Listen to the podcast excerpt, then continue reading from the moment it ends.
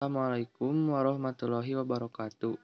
Saya Kauca Danendra dari MIPA 3 akan mempresentasikan contoh-contoh peran dari komponen infrastruktur politik. Saya akan mulai dari kelompok penekan. Kelompok penekan eh, perannya adalah melontarkan kritikan-kritikan untuk untuk para pelaku politik lain dengan tujuan membuat perpolitikan maju. Kelompok penekan juga dapat memengaruhi atau bahkan membentuk kebijaksanaan pemerintah melalui cara-cara persuasi, propaganda, atau cara lain yang lebih efektif. E, kedua, yaitu ada partai politik.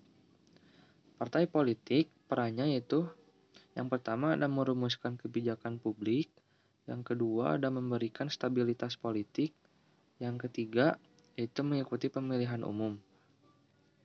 Lalu setelah partai politik eh, ada kelompok kepentingan.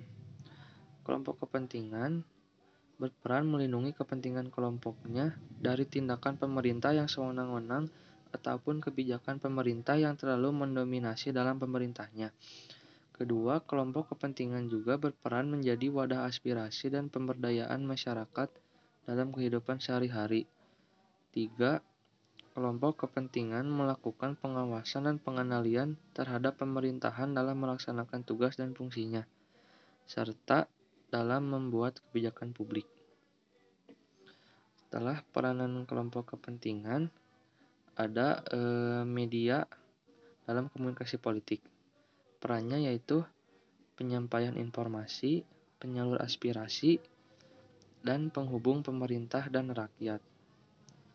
Lalu setelah media komunikasi dan politik, eh, media komunikasi politik, ada peran dari tokoh politik.